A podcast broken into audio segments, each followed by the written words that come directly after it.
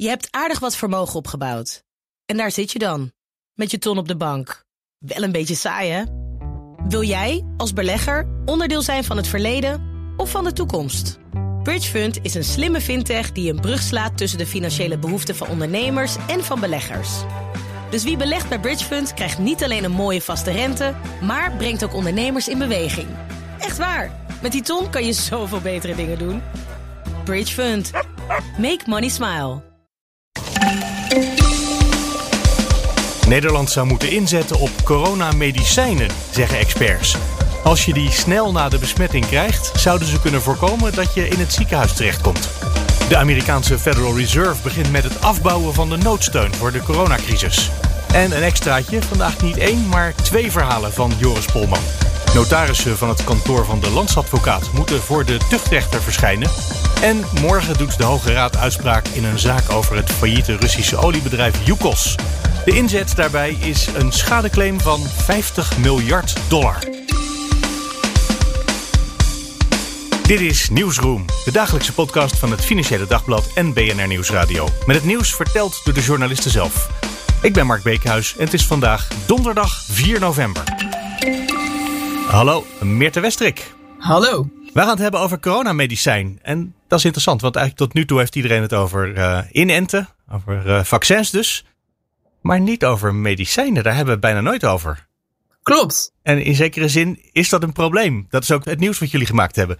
Ja, klopt. Ja, er waren een aantal, uh, aantal medische experts die wij hebben gesproken, die, uh, die inderdaad aangaven van, hé, hey, nou ja, die wel voorop stelden van vaccineren. Dat is heel goed dat er zoveel nadruk op ligt, want ook nu, nu er geloof ik iets van 84% uh, van de Nederlandse bevolking volledig gevaccineerd is, moet die vaccinatiegraad gewoon nog omhoog om, om iets aan die besmettingscijfers te doen.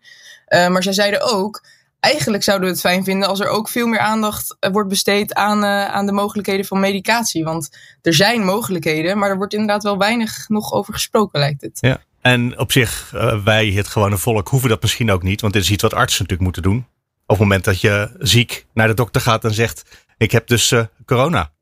Je bedoelt dat er dan over gesproken wordt? Ja, dat, dat artsen moeten regelen dat je medicijn krijgt als je ziek bent. Ja, maar dan moeten die artsen het wel hebben. En dat is op, op dit moment ook uh, inderdaad wel een interessante. Want er zijn uh, bijvoorbeeld op dit moment voor het coronavirus vier medicijnen under review, heet dat dan bij de Europese Medicijnagentschap. Ja. Dat betekent dat ze nu echt in een soort van laatste fase van goedkeuring zitten. Um, dus die medicatie is nog niet bij de huisarts bijvoorbeeld. En daar ligt ook wel een deel van wat die experts dus wel belangrijk vinden. Dat het daar ook wat meer over gaat. Dat, het, dat ze haast maken. Ja, ja er zijn. Zoals vorig jaar met de, met de vaccins. Ja, bijvoorbeeld. Ja, er zijn uh, een paar dagen geleden kwam er een Kamerbrief uit van, uh, van Hugo de Jonge. En die, uh, die zei: Nou, op dit moment zijn we terughoudend in, in bijvoorbeeld de aanschaf van medicatie. Maar er zijn wel mogelijkheden, want er is nu, dus, nu zijn die vier medicijnen dus under review. Um, en bijvoorbeeld Koos Stijkstra, dat is een klinisch farmacoloog. En die zei: Ja, dat zijn wel veelbelovende medicijnen. Um, en wat uh, uh, het kabinet zou kunnen doen, als ze dat zouden willen, is een soort noodprocedure uh, in werking stellen bij de EMA. En dan zeggen: hé, hey, jullie hebben deze medicatie, nou, eigenlijk zo goed als goedgekeurd. Wij willen het nu hebben, want het is nu nodig. We willen ermee um, aan de slag. Ja. ja, en dat betekent trouwens niet dat het dan niet meer van, dat het dan bijna is goedgekeurd, dus nog niet van goede kwaliteit is. Het is dan wel echt al goed onderzocht.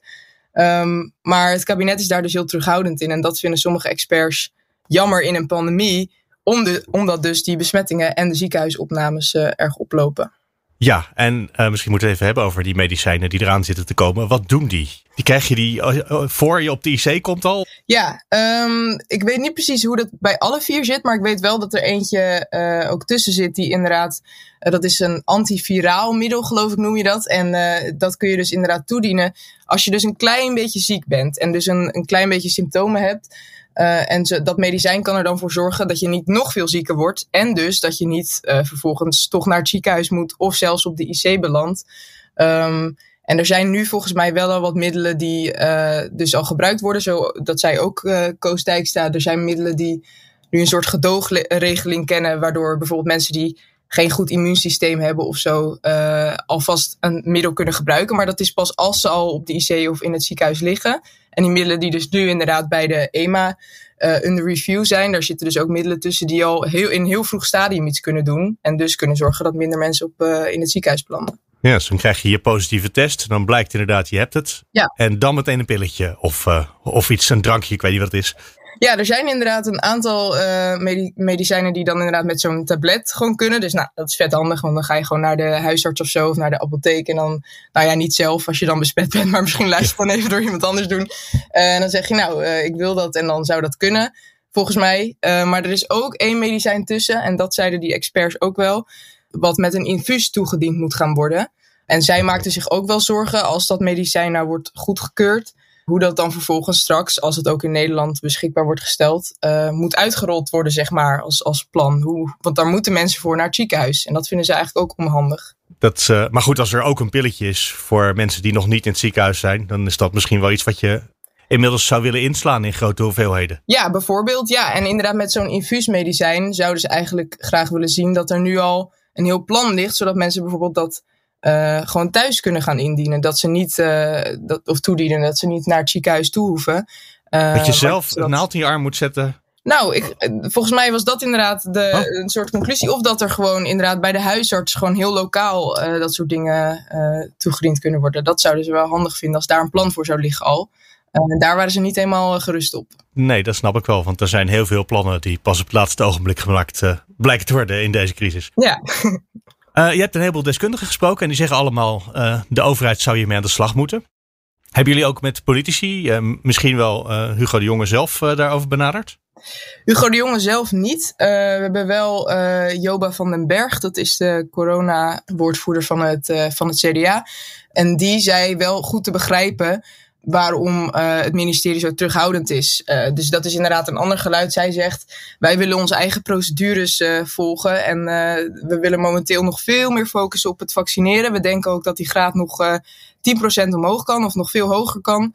en dat doen we ook door gewoon de straat op te gaan om mensen echt één op één nog daarmee in gesprek te gaan. Ze zei van, nou, sommige uh, sommige mensen die kun je niet meer overtuigen, dat, dat gelooft ze best. Maar er zijn ook nog heel veel mensen die met een goed gesprek uh, met feiten wel overtuigd kunnen worden. Dus daar, ja, dus die focus begreep zij wel heel goed en daar was ze het ook wel uh, echt mee eens. Ja, ja, die snap ik ook wel. Maar goed, er komen toch wel mensen op het, op het ogenblik in ziekenhuisbedden terecht. En als je dat kan voorkomen, dan ontlast je daarmee ook de ja. zorg. Maar Maarten Posma, dat is een, een hoogleraar uh, Global Health Economics. En die, uh, die zei van we moeten ook heel erg focussen op het boosterprogramma. En dat is dus dat mensen een derde prik kunnen krijgen uh, als, als zeg maar wat dan hun vaccinatie, hoe zeg je dat, bescherming weer even boost. En dat zou ook wel een, een goed, daar moet ook op gefocust worden, zei hij. Uh, en daar zijn we in Nederland ook een beetje terughoudend in. Want vooralsnog alleen mensen boven de 80, ja. geloof ik, die, dat gaan, uh, die daarvoor uitgenodigd gaan worden. En uiteindelijk wel iedereen. Ja. Maar goed, dat is nog weer een andere route. Eerst maar eens even kijken of ze in Den Haag ook aan de slag kunnen gaan met die. Uh, gewoon met de medicijnen. Om mensen die ziek zijn. Uh, ja, te voorkomen dat ze serieus ziek worden en naar het ziekenhuis moeten. Ja, ja zodat het uh, verlichting brengt op de, in de ziekenhuizen. Ja. Ja, Meerte Westrik, dankjewel. Graag gedaan. En meestal als je iemand voor het eerst hoort in deze podcast, benoem ik dat even aan het begin. Ben ik vandaag helemaal vergeten. Meerte is een nieuwe stagiair bij BNR en dit was haar vierde stagedag. Zo snel kan het gaan.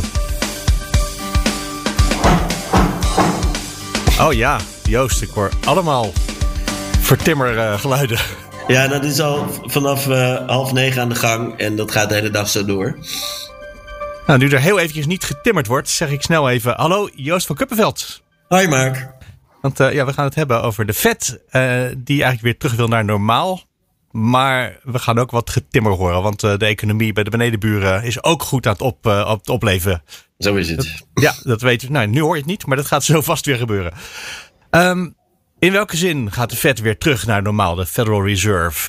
Nou ja, wat, wat, zeg maar, wat de, een centrale bank normaal doet, is uh, om de economie te stimuleren, is de rente verlagen.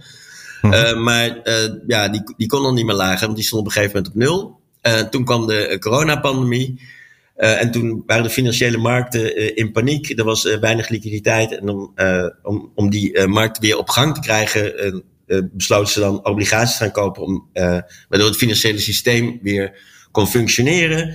En waardoor banken weer geld durfden uit, uit te lenen en waardoor mensen zich verzekerd wisten van goedkope financiering om de economie aan de gang te helpen. Um, nou ja, dat is, dat is uh, goed gegaan. Ze hebben voor 120 miljard per maand gekocht vanaf juni vorig jaar. Um, en uh, nu gaat het, de economie weer goed. De, de, de banen stijgen weer heel snel. En de inflatie loopt, loopt op, zelfs harder dan, dan ze willen. En dus gaan ze nu kijken of, of de economie het ook zonder kan. En dat hadden ze ruim van tevoren aangekondigd. En zodat iedereen eraan heeft kunnen wennen. En dus de, de, de, het besluit was geen verrassing. Ik, ik ben eigenlijk met terugwerkende kracht toch weer verrast over 120 miljard per maand. Zo'n soort getal, dat vind ik nog steeds uh, bijzonder. Nou ja, dat is, dat, het, is, het is maar een getal. Het is in ieder geval groot genoeg om de markten uh, gerust te stellen. En, en, en daarom is, het, uh, is dat erop geplakt. Ja. En nu gaan ze het langzaam afbouwen. Het wordt elke maand 15 miljard minder. En als het goed is, dan hoeven ze volgend jaar zomer geen obligaties meer te kopen. En dan zou alles goed moeten gaan. En dan kan de rente er nou ook weer gewoon omhoog. Uh, ja, want uh, de inflatie loopt op. Daar maken mensen zich, zich uh, heel erg zorgen om. En normaal gesproken bestrijd je inflatie met een hoge rente. En dus vandaar dat ze nu met 15 miljard per maand doen. markten rekenen erop dat volgend jaar de rente twee keer verhoogd zal worden door, door de Fed. Is dat eigenlijk snel? Ja, 15 miljard, je zegt het is allemaal maar een getal. Maar ze zouden, zou het ook sneller kunnen, af, kunnen afbouwen, toch? Ja, en dat, gaan dat gaan ze ook doen als de economie dat toelaat. Alleen um, de vet kennende zullen ze dat dan ook ruim van tevoren gaan zeggen. Dus reken er maar op dat het, uh, als alles gewoon gaat zoals het nu gaat, dan, uh, dan zijn we volgend jaar zomaar klaar. En dan kunnen ze gaan denken over uh, het, het verhogen van de rente. Dat is Amerika. Hoe gaat dat in Europa eigenlijk? Zijn wij ook al aan het afbouwen? nou, wij gaan in, in december zal ook de ECB besluiten om de noodsteun af te bouwen. Um, um, en daar, uh, daar, daar lijkt het nu op. Uh, een renteverhoging wordt ook door de markt verwacht volgend jaar. Maar daar is de ECB tegen, uh, verbaal tegen aan het vechten, omdat zij dat te vroeg achten. En als het bij ons te vroeg is, is onze situatie echt anders dan die in Amerika? Of is het in Amerika misschien toch ook te vroeg? Uh, dat, nou, in Amerika is het waarschijnlijk niet te vroeg, omdat de economie daar echt, echt heel hard draait. Veel harder dan hier. Uh, maar ja, we weten niet hoe COVID verder gaat lopen. En uh, in Europa komt de steun allemaal wat langzamer op gang. Dus die economische omstandigheden zijn wel anders, zegt in ieder geval de ECB. Ja. En of dat, of dat te vroeg of te laat is, dat, uh, dat, dat, dat weten we pas achteraf altijd, helaas. Ja, dat is waar. dat is het nadeel nou, van de economie. De, de, de, de, Fed, de Fed zegt wel van de, de hoge inflatie nu, die is tijdelijk, omdat het disrupties in de aanvoerketens zijn. En mensen kunnen nog niet zo, uh, durven nog niet allemaal naar het werk te gaan. En, dat die, en die zal terugzetten. En ze zeggen ook van wij kunnen met monetair beleid ook niks doen tegen die, uh, tegen die verstoring in de aanvoerketens. Nee, en dat kan de ECB ook niet. Dus we moeten dus ja. gewoon afwachten. Ja, precies, want de inflatie in Amerika lag boven de 5% geloof ik hè? Ja, en hier rond 4. En, en we willen eigenlijk 2 officieel? Ja. Dus voorlopig, nou ja, wat je net zei, als de coronacrisis zich uh, braaf uh, laat indammen nu. Ja. Uh, dan, dan, klinkt dit allemaal heel logisch. Maar het kan ook best zijn natuurlijk dat we rond de kerst ineens toch in de hele wereld ons realiseren dat het weer echt helemaal misgaat.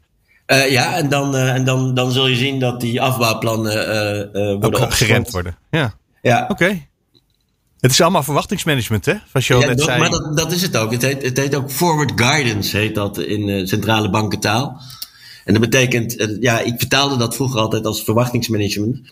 Dus um, ja, ik denk, ik denk zo, zo werkt het nu helemaal. De markten moeten een idee hebben waar de centrale banken heen gaan en dan kan de markt functioneren. En anders schrikken ze.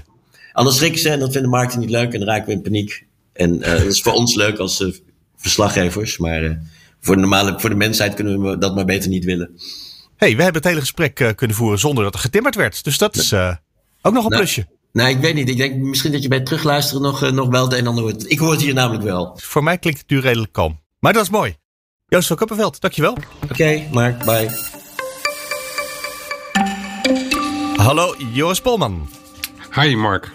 We gaan het weer eens hebben over Pels Rijken, de landsadvocaat. Die nu, weten we, voor de tuchtrechter moet verschijnen. om verantwoording af te leggen over uh, ja, die best wel grote fraude die daar gepleegd is. Wat was het? 11 miljoen, geloof ik, hè? Ja, dat is de laatste stand opgemaakt door het Bureau Financieel Toezicht. De toezichthouder op het notariaat. Want die heeft dus gisteren uh, een en ander bekendgemaakt over een onderzoek dat meer dan een jaar heeft geduurd uh, naar de fraude op het notariaat van Pelsrijken.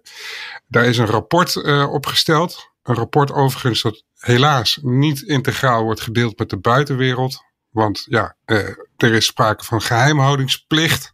Hm. Daar kunnen we het misschien nog even over hebben. Maar in ieder geval, het, ze hebben wel een beknopte samenvatting de wereld in gestuurd gisteren. Uh, en mevrouw Jolanda de Groot, de waarnemend directeur, was gisteren ook even beschikbaar om nog wat toelichting te geven.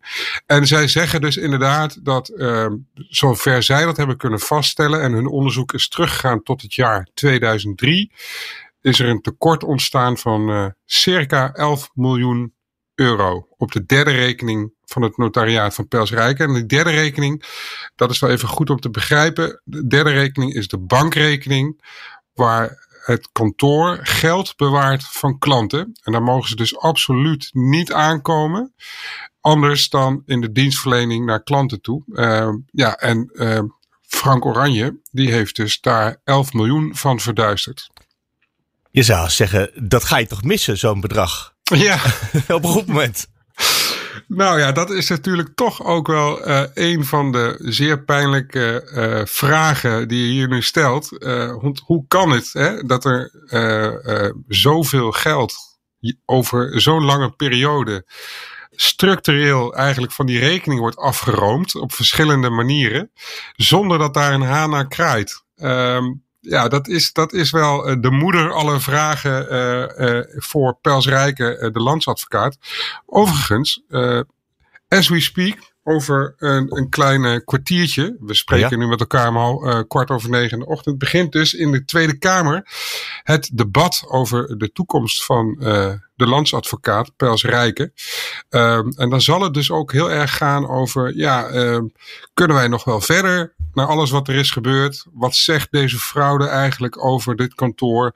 Um, en moeten wij daar als overheid wel mee blijven samenwerken? Dus het is allemaal uh, nog uh, bijzonder. Uh, ja, bijzonder, het is allemaal nog een open zenuw, zo kan je het eigenlijk wel zien. Ja, ik begreep dat minister Grapperhaus het wel een goed idee vindt om door te gaan met dit kantoor. Ook om, misschien wel omdat het notariaat überhaupt inmiddels gesloten is.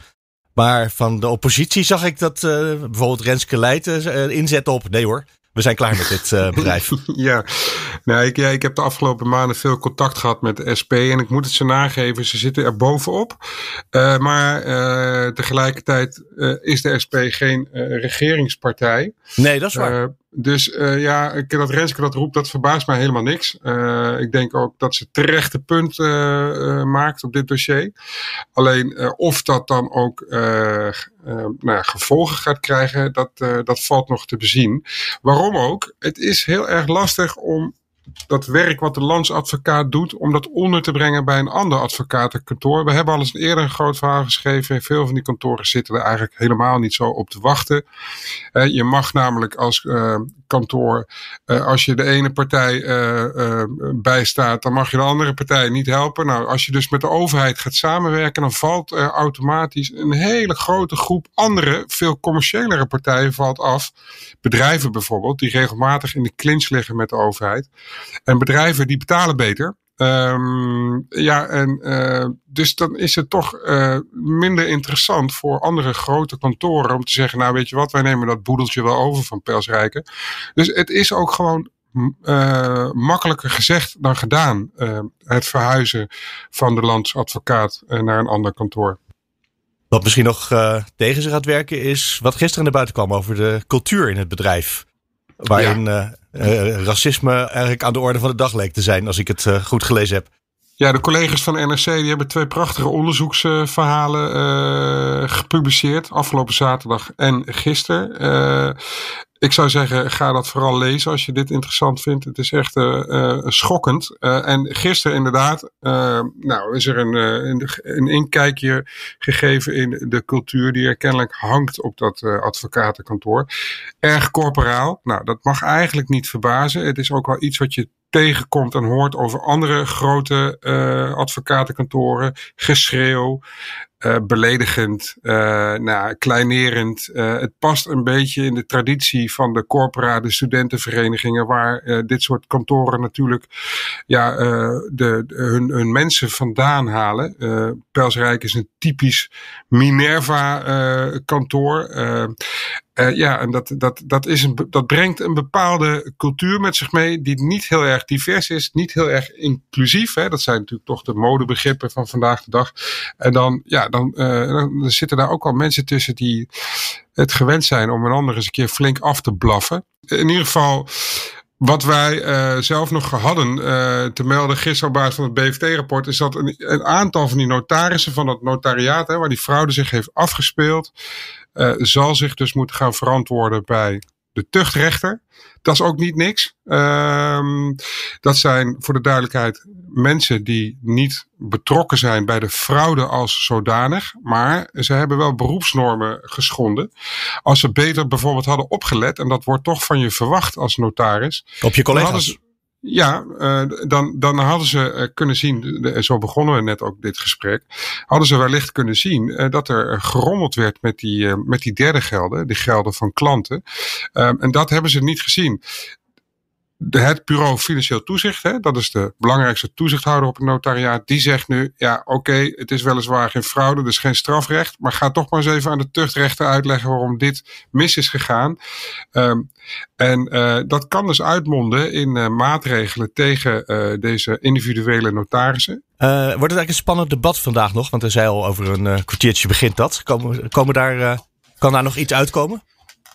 Ja, het is een commissievergadering, hè, dus er, wordt nog niet, uh, er worden nog geen knopen doorgehakt. Maar ik denk wel dat uh, de minister Grappenhaus uh, een hoop heeft uit te leggen. Um, ik denk uiteindelijk uh, vorige week werd bekend dat uh, Pelsrijke uh, dat notariaat gaat opheffen. Uh -huh. Pelsrijke heeft daarnaast ook een heleboel maatregelen die verschillende toezichthouders, want er zijn al meer rapporten verschenen. en ook een aantal rapporten zelfs van wetenschappers. Dus heel veel onderzoek al gedaan. Er zijn heel veel aanbevelingen uitgekomen. En heel veel van die aanbevelingen zijn ook al overgenomen door Pelsrijke. die hebben dus te maken met cultuurveranderingen, met het uh, aanbrengen van extra uh, controlemechanismen en functionarissen intern om ervoor te zorgen dat dit soort dingen dus niet meer kunnen gebeuren. Dat heeft, daar heeft Pelsrijke eh, wel degelijk een hoop stappen in gezet.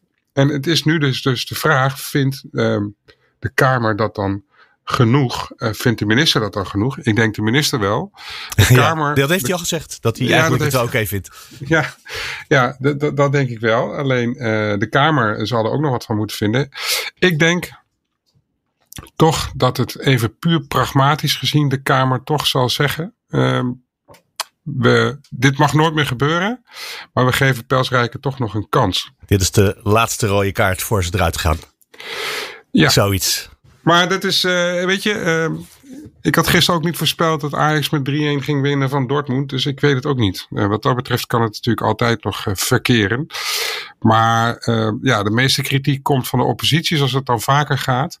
Um, en de vraag is dus, gaat de coalitie hier ook in mee? nou, nou, dat, dat gaan we vandaag vanzelf horen dan. Valt te bezien, ja. En nu ik het toch aan de lijn heb, uh, Joris. We zitten natuurlijk allebei weer gewoon thuis te werken, omdat dat uh, tegenwoordig mag. Dus we hebben elkaar weer ouderwets aan de lijn. Uh, vanmorgen heb je nog een ander verhaal geschreven over twee Zuidas, Zuidas advocatenkantoren en het failliete Yukos, het oliebedrijf uit Rusland. Ja, dit is natuurlijk een uh, zaak die heel ver teruggaat. Um, um, Yukos, ik zal het even in herinnering brengen, was een, uh, was een oliebedrijf. Uh, en dat is in de jaren negentig, en dan hebben we het over de tijd van Boris Yeltsin. dat is echt lang geleden. Um, ja. Uh, is dat op een gegeven moment in de handen gekomen van een aantal uh, handige Russische, uh, nou ja, zullen we het ondernemers noemen? Oligarchen. Oligarchen. Zeggen we nu. Ja, dat zeggen we tegenwoordig.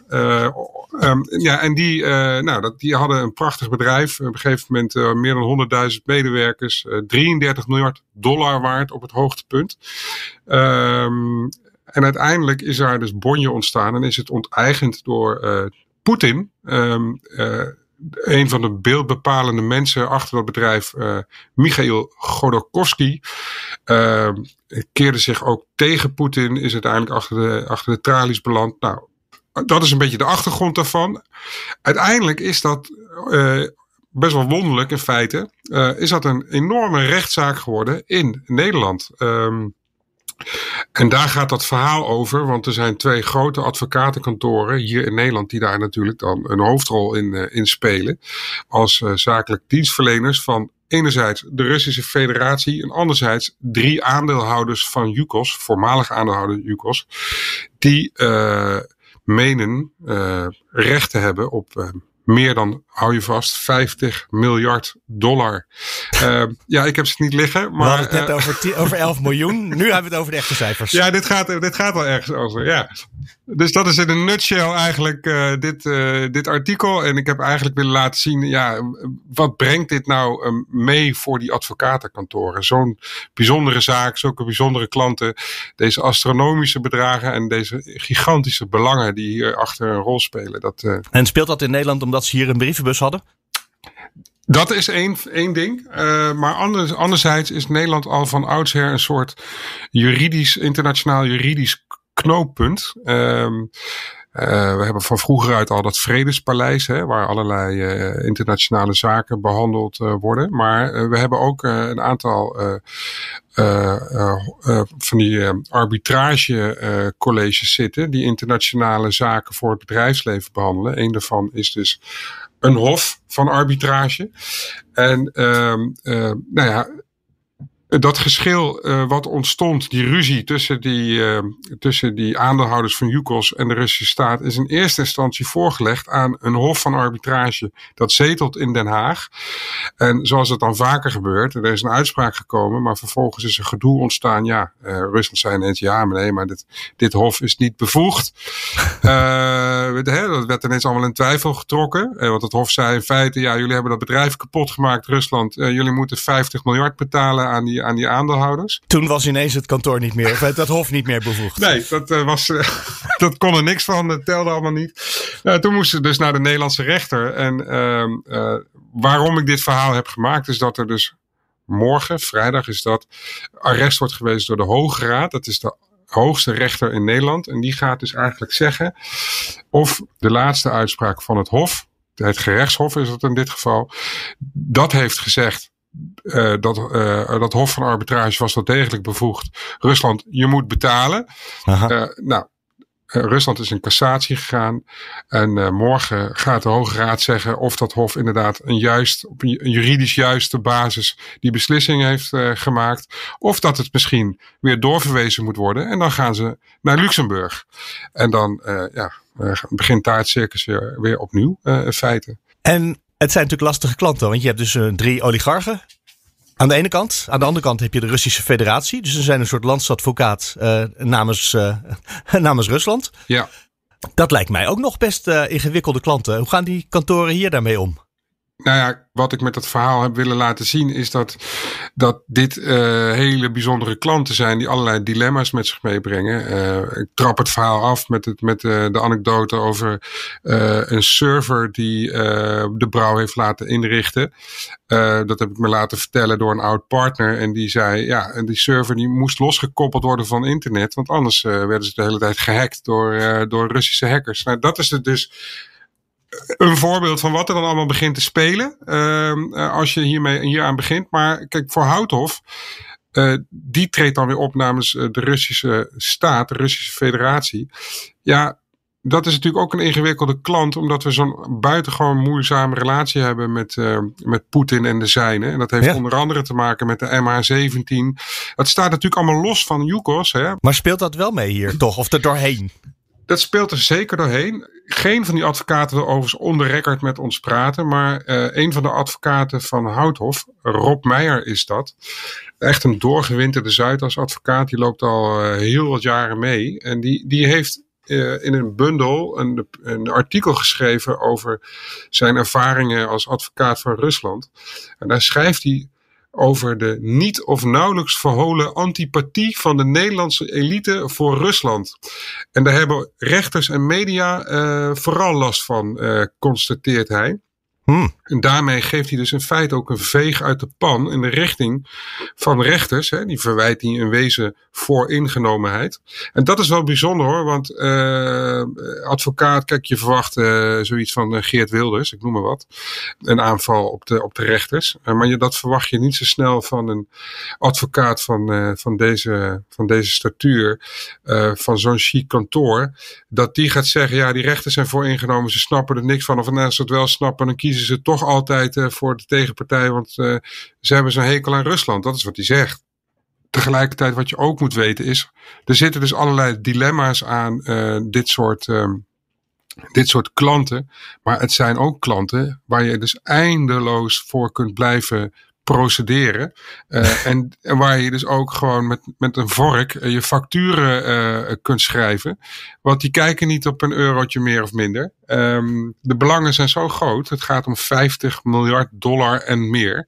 Ja, daar willen, daar willen de, de, strijdende partijen wel voor betalen. Een van de twee krijgt een mooie kerstbonus dit jaar. Daar komt het wel op neer. Ja, dat, dat zit er dik in. Uh, dus, um, nee, dus, dus kijk, het is enerzijds lastig. Uh, gedoe. Je krijgt er lastige vragen van, onder andere van vervelende journalisten die dan zeggen: ja, jeetje, is dat dan wel van deze tijd? Optreden voor de Russische staat of voor oligarchen. Hè? We hebben allemaal onze mond vol over al die uh, duurzaamheidsdoelstellingen.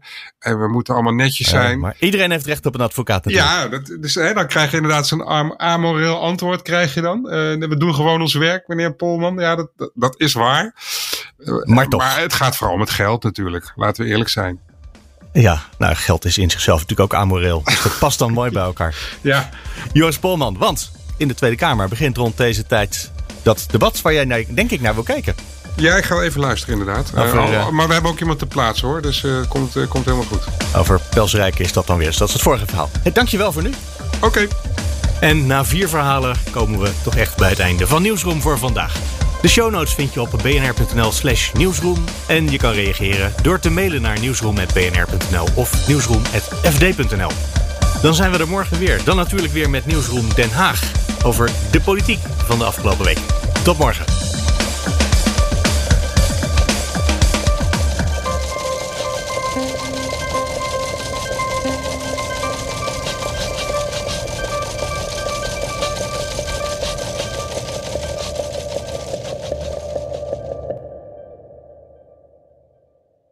Je hebt aardig wat vermogen opgebouwd. En daar zit je dan, met je ton op de bank. Wel een beetje saai, hè? Wil jij, als belegger, onderdeel zijn van het verleden of van de toekomst? Bridgefund is een slimme fintech die een brug slaat tussen de financiële behoeften van ondernemers en van beleggers. Dus wie belegt bij Bridgefund krijgt niet alleen een mooie vaste rente, maar brengt ook ondernemers in beweging. Echt waar, met die ton kan je zoveel betere dingen doen. Bridgefund. Make money smile.